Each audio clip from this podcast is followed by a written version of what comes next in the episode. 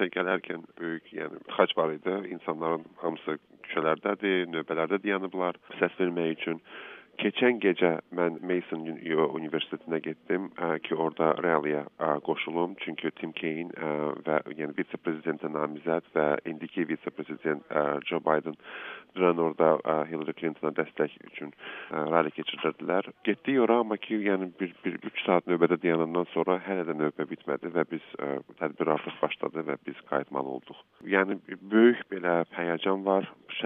Hal-hazırda mən sizlə danışarkən ağlayıram. Yəni ki, bütün ə, əllərim əsir, çox emosionalam. Yəni siz zəng edərkən göz yaşları içində oturmuşam kompüterin qarşısında.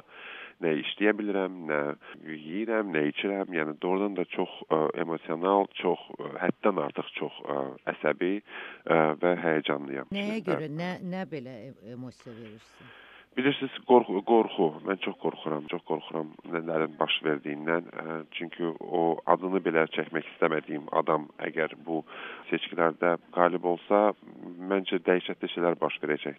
Ya, yalnızca Amerikada deyil, bütün dünyada baş verəcək. Bir ə, immiqrant kimi, bir ə, müsəlman kimi, bir ə, aktivist kimi, bir Azərbaycanlı kimi, bir normal insan kimi mən çox qorxuram ə, onun onun prezident olmasından. Bilirsiniz, məni məni daha çox hal-hazırda üzən qorxudan da çox türklərin bir sözü var, hayal qırıqlığına uğramışam. Yəni ki, böyük bir ə, hüzn içindəyəm. Nəyə görə?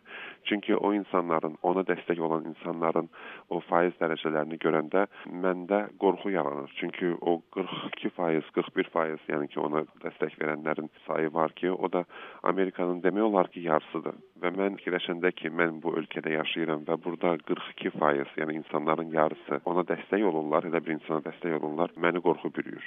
Artıq bu baş verib, yəni ki, mən buna görə çox üzgünəm. Bir dənə o qalıb ki, bu seçkilərdə, yəni ki, bu axşam ə, yaxşı inşallah xəbər alaq.